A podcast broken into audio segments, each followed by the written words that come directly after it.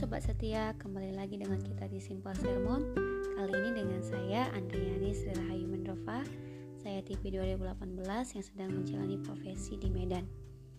Hari ini saya berharap teman-teman di mana pun berada Kiranya tetap dalam lindungan Tuhan, dalam pertolongan Tuhan Dan kiranya kasih dan sukacita melimpah boleh menjadi bagian teman-teman semua.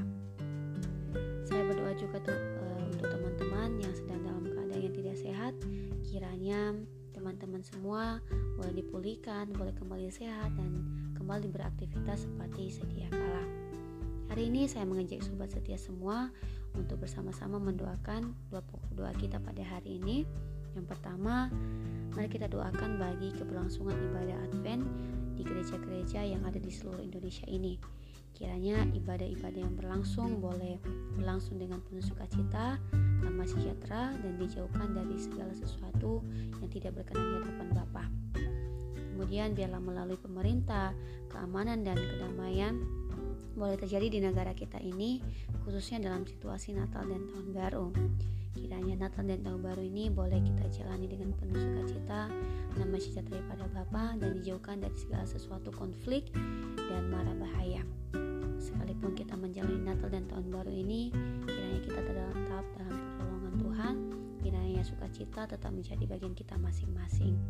Kemudian saya juga mengajak teman-teman semua untuk bersama-sama mendoakan ITP 2018 yang sedang menjalani profesi di mana pun berada. Kiranya dalam pelayanan ini selalu boleh menjadi saluran berkat untuk pasien-pasien yang sedang dilayani, bahkan menjadi perpanjangan tangan Tuhan untuk menggapai jiwa-jiwa di mana pun berada.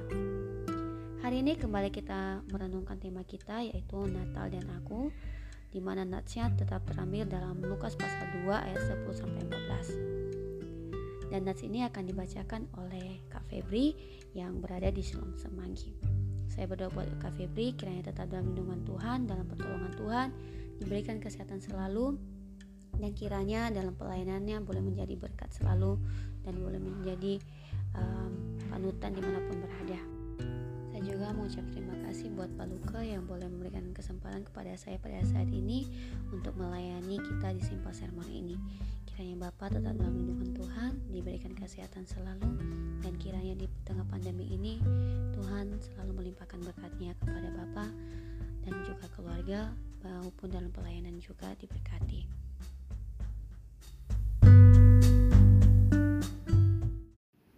Lukas pasal 2 ayat 10 sampai 14. Lalu kata malaikat itu kepada mereka, "Jangan takut, sebab sesungguhnya aku memberitahukan kepadamu kesukaan besar untuk seluruh bangsa. Hari ini telah lahir bagimu juru selamat, yaitu Kristus Tuhan di kota Daud. Dan inilah tandanya bagimu. Kamu akan menjumpai seorang bayi dibungkus dengan lampin dan terbaring di dalam palungan." Dan tiba-tiba tampaklah bersama-sama dengan malaikat itu sejumlah besar bala tentara surga yang memuji Allah, katanya.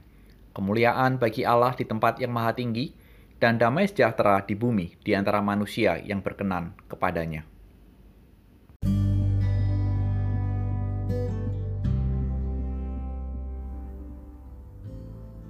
Mari kita berdoa.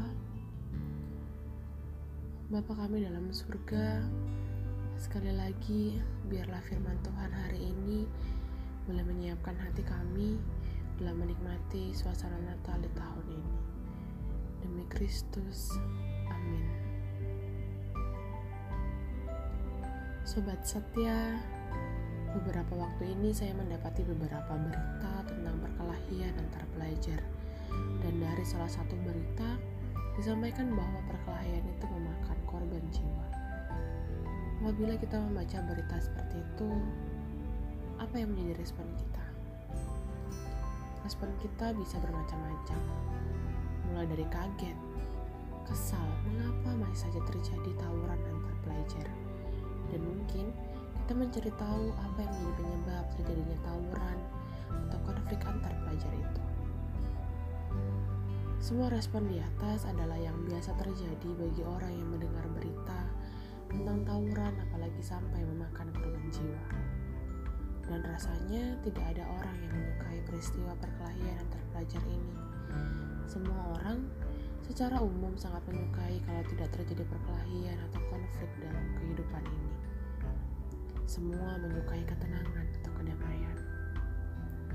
Inilah yang menjadi masalah, bahwa bagaimanakah dalam kehidupan kita bisa menikmati kedamaian yang sejati. Mungkin ini menjadi pertanyaan dan pergumulan kita, karena hidup kita lebih cenderung dilingkupi kekhawatiran, kegelisahan, ketakutan akan masa depan, kecemasan, dan lain-lain. Siapa yang saat ini bergumul tentang hal ini? Kalau kita bergumul tentang hal ini, ayat renungan kita hari ini memberi jawaban bagi pergumulan kita. Mari kita rangkai. Pesan dari nats kita hari ini berita utamanya adalah akhirnya sang juru selamat. Bukan berita bahwa Tuhan akan menjadikan orang yang tidak punya uang menjadi kaya raya atau orang yang kelaparan menjadi berlimpah makanan. Ketika Tuhan memberikan juru selamat kepada umat manusia, pasti ada kebutuhan yang Tuhan lihat dari kehidupan umat manusia. Kalau jawabannya juru selamat, maka apa kebutuhan umat manusia? Ya, benar, keselamatan. Apa sebab manusia membutuhkan keselamatan? Karena manusia sudah jatuh dalam dosa, dan lupa dosa ialah mau kebinasaan. Diutusnya Kristus menjadi juru selamat adalah supaya dosa tidak lagi berkuasa atas hidup manusia.